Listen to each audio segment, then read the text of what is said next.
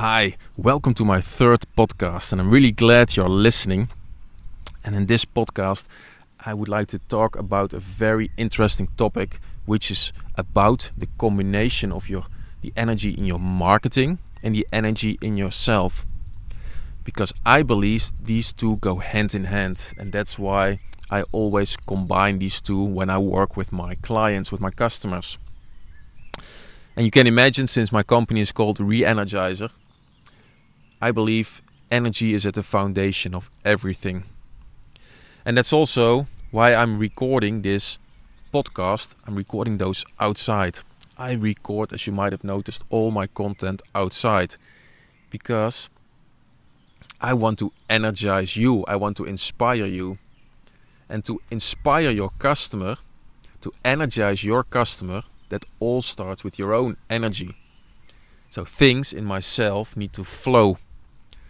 And I feel really, really good when I'm outdoors. As soon as I open up the door and I step outside, and when I feel that sun on my face and the wind in my hair, and uh, and when I'm yeah maybe cycling or ski, uh, skating or whatsoever, I immediately feel happy. I immediately feel energetic and you feel that as well in my content. And that's the way, that's why I approach my content like that. And yeah, I believe marketing is all in the end, it's about your energy. You cannot separate these two topics and I think most of our most of the people in the world, most of the business people, they actually think they can separate these. I used to work uh, in corporate marketing in a consumer electronics company uh, until uh, a bit more than a year ago, and there it worked exactly like that. Yeah, you have uh, engineers that uh, develop a product, and uh, then you have product managers, and then in the end marketeers, and then salespeople. So it's all separate divisions. And what frustrated me in this whole process is that the whole passion of a product completely disappeared. I have an engineering background, so I am really good at talking to engineers. And I was always able to get to feel their excitement, their passion in those products. And the cool thing is, if you feel that excitement, you can turn it into really cool, exciting content.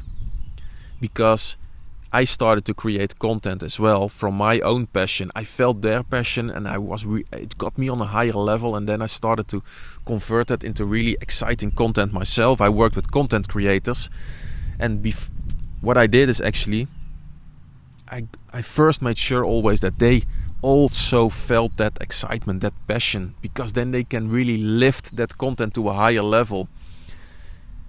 Because otherwise, what people do people don't feel it that way. So then, uh, what marketeers do and content creators, they start reasoning from the head. They read a long briefing and they start to understand it. They try to understand it, but it all comes from the head. They start to reason it, and they, you, then they, that, that there's this disconnect. And these, these materials that they created, it was completely without any emotion, any passion, and I believe those things are not effective at all. Because, yeah, look at yourself when you buy something. Yeah. Do you buy from your head or from your emotion, from your feeling? Because I think, and when you're honest to yourself, it's always about feeling. I notice when I, I always get the, I was in the past, I was always really or still am, yeah, a big fan of Apple. I'm a, a big fan of uh, Steve Jobs, and that may, might be a cliche, but uh, I always was really excited about listening to his uh, keynote speeches.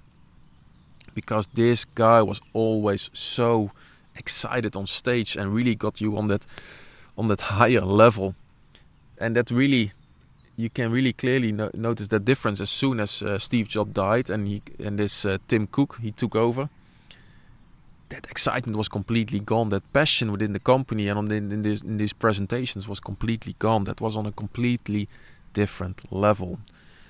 Like Tim Cook, for me, was reasoning from the head, while Steve Jobs was really talking from the heart. And that's what I liked about him. He was really passionate about what he did. And that's like why I work with business owners, because I like with you as a business owner, you also have something unique, something that you're really passionate about. Yeah, and that's something that only you can do, that nobody else can do. And it's something that your customers should know, should be aware of, and that you should get get across in your marketing materials. But what what I often see is what I yeah used to do as well is that you are pushing it so hard from your head. You're trying to imagine what what, what does my customer want to hear? What should what uh, what what goes on in his mind, and how should I really take him to that higher level? And but it's oh so simple. You should not. In the end, I think it's all about you should you first should start to think what am I excited about what do I want to share what am I passionate about why what takes me energetic to a higher level because the thing is if you're so passionate and excited about it yourself you start talking faster you get on that higher pitch I believe and your your customer immediately also will be connected because your excitement your energy is contagious yeah it doesn't matter what you're talking about. You, your customer can feel that excitement and that energy in your voice and in your materials. So as soon as your customer can feel it and experience it, he will uh, he will have that connect and he will get really really interested. And he will start listening with his emotion and maybe in the second step, he will of course look at a bit of also on the on some of your arguments. Are those true? Are those correct? But that's not so important anymore because you already made that big head start by making that emotional connect. If you don't make that emotional connect, the first thing what your customer will do is looking at your sales argument, your unique unique selling points, your features whatsoever about your service or your product. But if you make that emotional connect first, those arguments are way less important. And that's why it's so important to start working on yourself first before working on your yeah, working on your marketing materials. So it's a two-step process. That process starts with you first. And it's not where my, I see many many people they start with all those sales funnels and all these other optimizations and about sales pages and whatsoever. But it all starts with with you, get getting that energy to flow on your level, and that's why.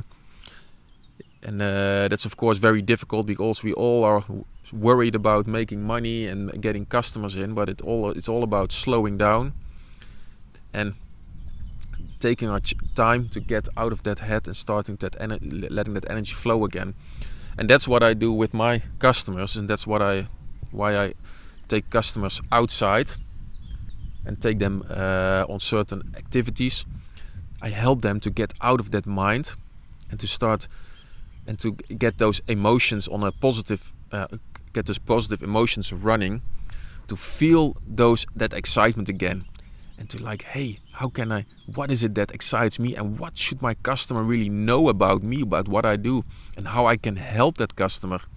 Instead of asking all the time what does the customer want to hear? No. What would you what would you like to tell to your customer? What would you really like what do you get excited about what and because that's the first thing that it all starts with yeah to feel that own excitement getting out of that head and start to feel it again so I hope this uh, this this inspired you a little bit, and uh, that you made you curious.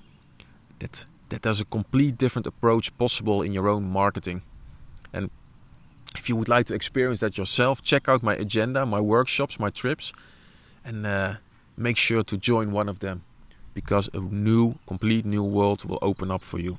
So I hope uh, you uh, th yeah this inspired you and uh, I hope you will uh, have a beautiful rest of the day and uh, I hope to see you soon in my next podcast So, have a great day. Bye bye.